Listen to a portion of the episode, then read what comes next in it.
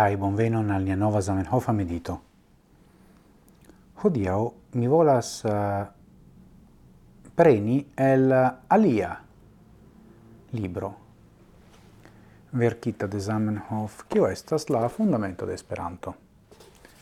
Mi trovigas en mia laborĉambro en la universitato kaj mi ne scias ĉu mi daŭre rajtos en la venonta monato, char ecte civespere en uh, Nederlando ec activigas la novai cron virusa in regulo in do facte ni estos en uh, tiel nomata duon trud isoligio kai do ne claras eh, ĉu mi rajtos veni aŭ ne. Kai multaj libroj fakte estas ĉi tie. Do mi montros ilin al vi rapide. Por la homoj kiuj vidas tio estas estas du vicoj por ĉiu parto kai estas alia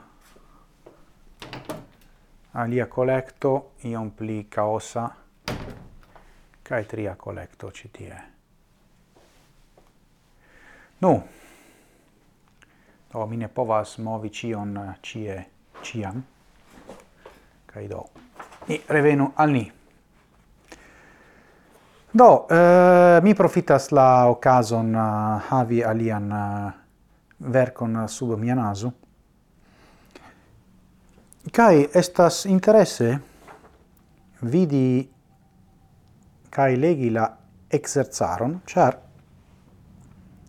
en la exerzaro estas uh, kelkaj i kiuj povas instigi kun mediton. Do, en la exerzaro de la Fundamento de Esperanto, pagio cent ses, paragrafo dudec du, La unua fraso estas la sekva. Fluanta aquo estas pli pura ol aquo staranta sen move.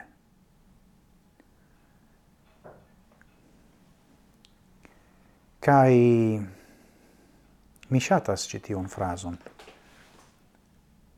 Char uh, tio memorigas al mi la canaloin de Amsterdamo, kies aquo quelquefoie foie fluas malrapide, quelquefoje stagnas,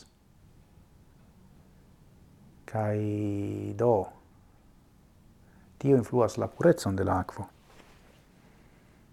Cae kai ni vivas tempo in dum kiam ni devas esti pretai esti fluanta aquo mi pensas por esti pli purai char se ni staras senmove, kio povas okazi al ni? Shaina strange diri tion antau o jus antau ol comenzo de trud isoligio quancam duon trud isoligio sed uh, ja Do, mi pensas che almeno la uniai perspectivoi mi devas esti malfermitai, char neniu povas diri kiu, kiun formon prenos la estontezo. Nu, Coran dankon pro via tento. Gis morgau. Eble mi denove filmetos ion. Mi ne scias, sed povas esti.